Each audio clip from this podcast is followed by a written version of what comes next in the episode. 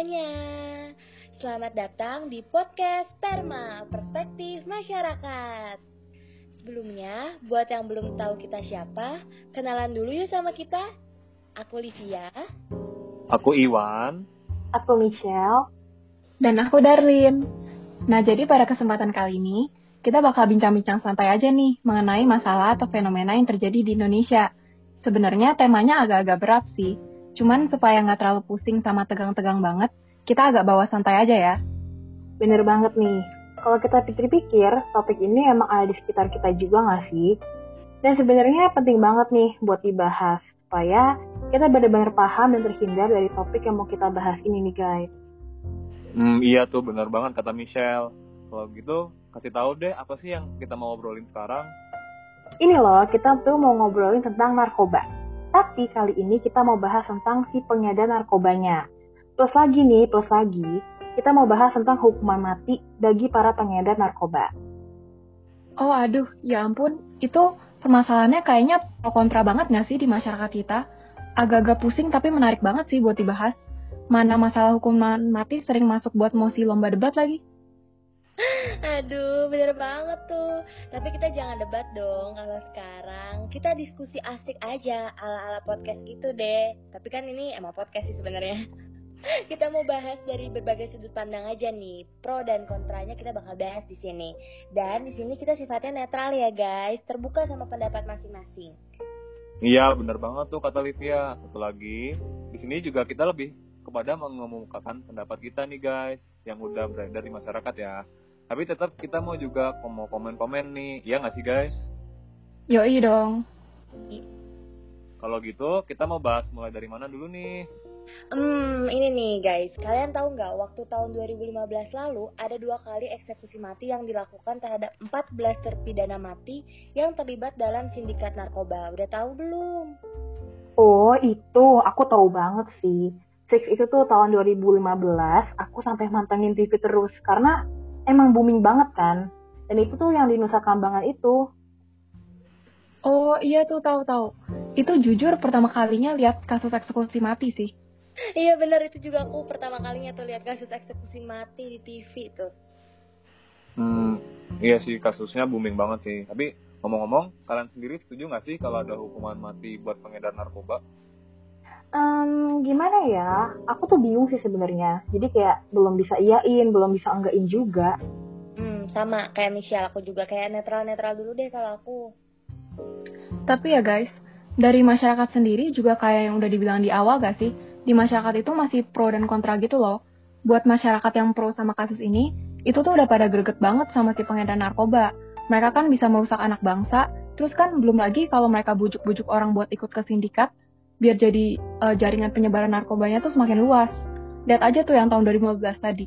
Bisa sampai mancanegara kan ngedarin narkobanya, sindikatnya sampai dari bermacam-macam negara gitu. Nah, iya tuh bener banget, kasusnya meresahkan banget sih. Kejahatan narkoba ini kan termasuknya udah ke kejahatan luar biasa loh. Mm-mm, bener banget sih. Iya, benar, setuju, setuju. Tapi aku mau nambahin nih, kalau dari sisi kontranya sendiri sih, balik lagi ke HAM sih guys. Jadi kayak kita kan tahu emang mereka salah banget tapi kita masyarakat pemerintah kan manusia juga gitu. Nggak boleh sembarang ambil nyawa orang lain kayak gitu sih guys kalau kata aku mah. Nah, bener banget kata Livia. Nah kalau nyawa manusia itu kan di tangan Tuhan ya. Kita tuh semua sama-sama ciptaan Tuhan juga. Seharusnya kita nggak berhak ngambil nyawa orang lain gitu. Mm -mm, iya sih. Apalagi kan kita negara hukum yang menjunjung ham banget ya. Dan salah satu hak dasar dari manusia ya hak untuk hidup jadi perlu kita jaga sama Bella nggak sih? Mm-mm, bener banget sih. Ada baiknya sih jangan dihukum mati ya. Di penjara seumur hidup aja gitu mungkin. Hmm, ntar deh. Kalau aku sih sebenarnya mikirnya kayak gini ya. Kalau kasus narkoba ini kan sistemnya sebenarnya kayak transaksi di toko obat gitu nggak sih guys? Kayak ada penjualnya terus kayak ada pembelinya gitu. Kalau misalnya penjualnya cuma sediain obat, keputusan beli atau enggaknya kan tetap ada di pembeli, iya nggak sih? Ya juga tuh bener kata Livia. Tapi kalau di kasus ini aku tuh bingung. Kalau dibilang merugikan juga, tapi kan yang beli kan si pembeli ya. Kalau misalkan dia ditawarin dan nolak, pengedar narkobanya juga nggak ngerugiin dia gitu. Beda ceritanya kalau dia nawarin dan mau pakai, nanti kan dia bakal sharing tuh ke teman-temannya. Jadi sindikatnya makin luas tuh, ya nggak sih? Wah, kalau gitu uh, pemakai juga jadi pengedar ya secara nggak langsung. Udah deh, semua salah semua deh. Udah mulai pusing ya guys. Bener sih itu ilustrasinya. Lagian ya mau dari segi apa pun ya salah. Kita juga tahu sendiri ya. Di agama apa pun kan udah diajarin tindakan mana yang benar, tindakan mana yang salah. Ya jadi pinter-pinternya aja kita sebagai manusia gitu. Jangan sampai kita terjebak di lubang yang salah. Mau pemakai, mau pengedar, udah jelas salah. Apalagi ya, tubuh kita ini kan milik Allah ya ada baiknya lah jangan sampai dikotorin gitu istilahnya. Udah dikasih kesehatan kan nih sama Tuhan, masa iya mau dibikin sakit sendiri? Widih, Michelle, gaya amat bahasanya siapa yang ngajarin? Aduh.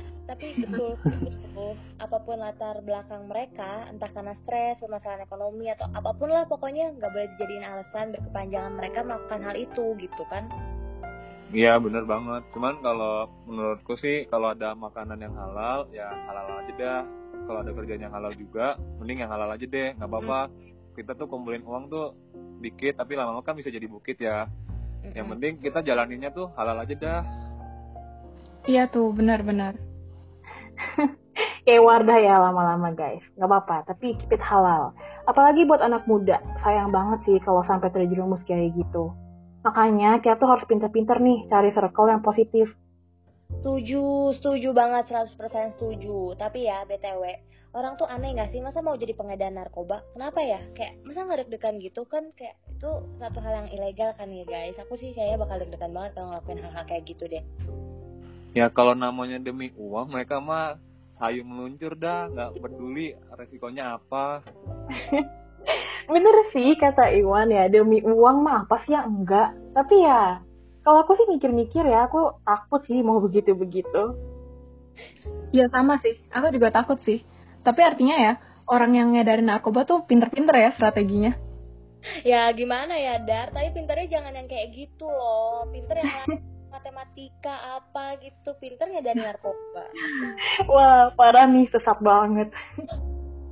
Oh iya guys. Btw nih ya emang yang tentang hukuman mati terhadap pengedar narkoba itu udah ada pasalnya dan emang udah diperbolehkan ya secara hukum? Oh, udah ada dong. Jadi di Indonesia hukumnya itu dari Undang-Undang Nomor 35 Tahun 2009 tentang narkotika, tepatnya di pasal 114 ayat 2. Oh iya iya, ayat 2 itu yang nyebutin kan kalau salah satu ancaman pidana bagi pengedar narkoba itu adalah pidana mati. Hmm, so aku sih iya ya. Terus emang pasal undang-undang tentang penerapan hukuman mati ini tuh udah sesuai sama hukum positif yang berlaku di Indonesia, yaitu pasal 10 KUHP, seingat aku ya. Maaf nih kalau salah. Oh iya iya. Jadi sebenarnya hukuman mati itu emang secara hukum udah sesuai-sesuai aja ya sama hukum Indonesia. Tapi emang dalam pelaksanaannya sendiri tuh masih jadi hal yang pro dan kontra di masyarakat. Mm -mm, bener banget. Nah, oke. Okay, jadi dari pembahasan ini kita sekarang bisa nangkep kalau kita perlu lebih berhati-hati lagi nih. Jangan sampai kita terjerumus ke hal-hal negatif yang pastinya bisa merusak diri kita sendiri dan juga merugikan orang lain. Iya, bener banget tuh. Dan hal-hal negatif itu terutama narkoba ya. Apalagi kita uh, sebagai para remaja nih, sebagai penulis bangsa. Jangan sampai kita terjerumus dalam penyalahgunaan narkoba, karena pastinya itu akan merusak hidup sama masa depan kita. Bener tuh kata Darlin, apalagi kalau sampai jadi pengedar narkoba, hukumannya kan pidana mati ya. Jangan sampai deh kita membuang seluruh kesempatan dalam hidup kita tuh cuma karena narkoba.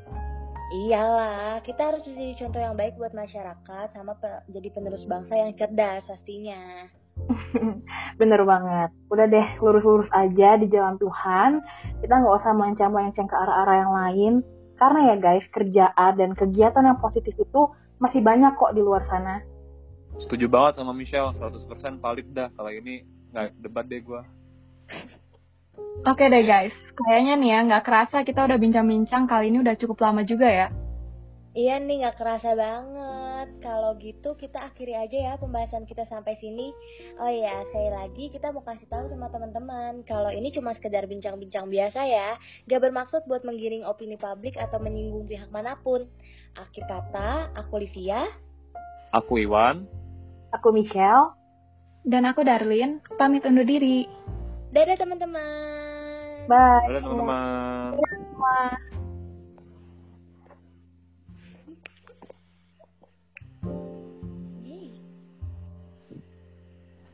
Oke, okay, screen recordnya udah gue save. Ya. Aku jaga-jaga aja sih. Oke, jadi ini coba end dulu terus nanti lihat gimana. Iya, bisa boleh, apa boleh. enggak. Gavin. Oke, okay, oke. Okay. Oke. Okay. Bayain dulu ya. Oke. Okay. Hmm.